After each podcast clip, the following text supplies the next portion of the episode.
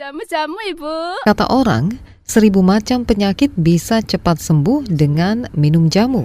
Temulawak empet nafsu makan. Dari masuk angin, pegal-pegal, sampai ahem, urusan ranjang. Kalau pahit-pahit buat penurun kolesterol. Apa benar kata orang jamu sesakti itu? Jangan sampai kalau minum jamu selalu aku cespleng loh minum ini hati-hati karena kita sudah buktikan dengan penelitian mereka yang mengecek eh mengklaim bahwa cespleng itu ternyata di dalamnya mengandung bahan kimia. Profesor Erni Hernawati Purwaningsih, guru besar Ilmu Farmasi Fakultas Kedokteran Universitas Indonesia.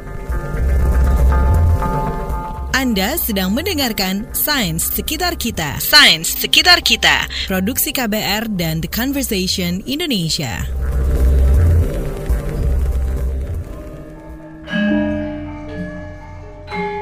Alkisah ada seorang pria yang tergeletak lemah di atas lantai. Dia dikelilingi beberapa orang yang memijat kepalanya, menggosok badannya, dan memberinya ramuan dari cawan kecil. Adegan ini terpahat rapi di dinding batu candi Borobudur. Inilah yang diklaim sebagai bukti sejarah peradaban jamu di Nusantara. Indonesia adalah rumah dari sekitar 32 ribu tanaman berkhasiat obat. Beberapa telah terbukti ilmiah mampu mengalahkan penyakit langka. Ada penyakit yang sebetulnya sulit diobati yaitu skleroderma. Itu adalah suatu reaksi imunologi yang uh, berat buat seseorang. Jadi kulitnya tuh kaku, jadi nggak bisa digerakkan karena dia ini nggak bisa dicubit karena ini udah kaku banget. Nah obatnya adalah diberikan obat-obat memang kemoterapi yang kasih obat-obat anti kanker, kasih obat obat dewa nih golongan prednison dan sebagainya. Istilahnya kalau drug of choice-nya ya. Jadi pengobatan standarnya mesti itu. Tetapi ternyata setelah pengobatan sekian bulan dia justru uh, efek samping yang timbul. Sementara pasien lain diberikan obat yang sama, tapi ditambah ekstrak ciplukan, buah kecut manis berwarna hijau kekuningan yang sering dianggap gulma. Pada pemeriksaan yang berapa hari, itu 54 hari pengobatan, ternyata yang obat konvensional ini kurang baik.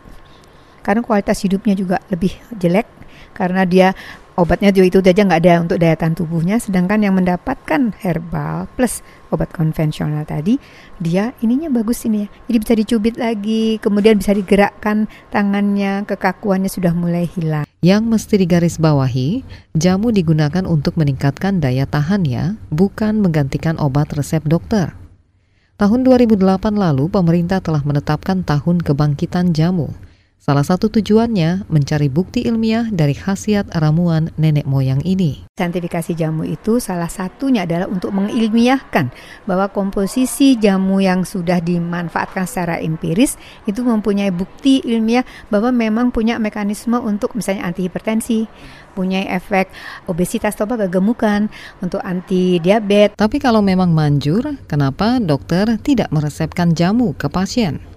Menurut Profesor Erni, mereka ragu karena pengujian khasiat jamu sangat-sangat kompleks. Masalahnya karena komposisinya banyak atau senyawanya banyak sekali, kalau kami ditanya oleh dokter yang memang ahli farmakologi, bagaimana mekanisme kerjanya, saya tidak bisa jawab karena mekanisme kerjanya adalah banyak sekali karena di dalamnya ada namanya senyawa misalnya golongan flavonoid, senyawa fenol. Sebanyak 182 jenis obat dan jamu kuat ilegal diamankan petugas BPOM Semarang. Gara-gara kasus seperti ini nih, citra jamu semakin pahit.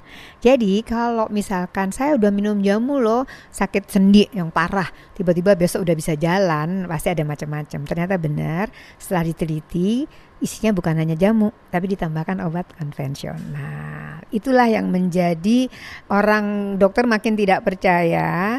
Setiap kali dokter bilang, "Oh nih pasienku habis minum jamu ini apa namanya terjadi perdarahan di ususnya, terjadi sakit ginjal dan sebagainya. Itu karena ada yang nakal tadi.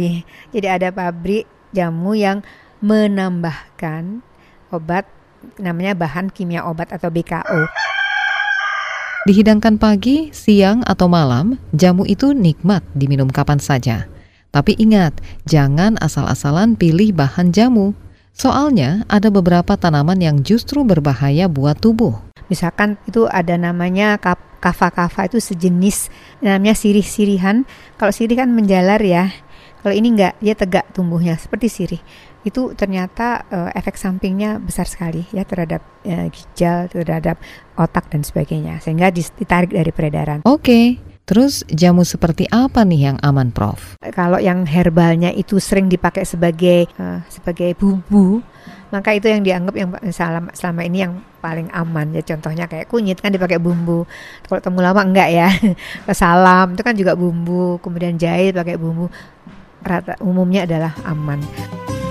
Suwe ora jamu, jamu. Sains sekitar kita, sains sekitar kita. Produksi KBR dan The Conversation Indonesia.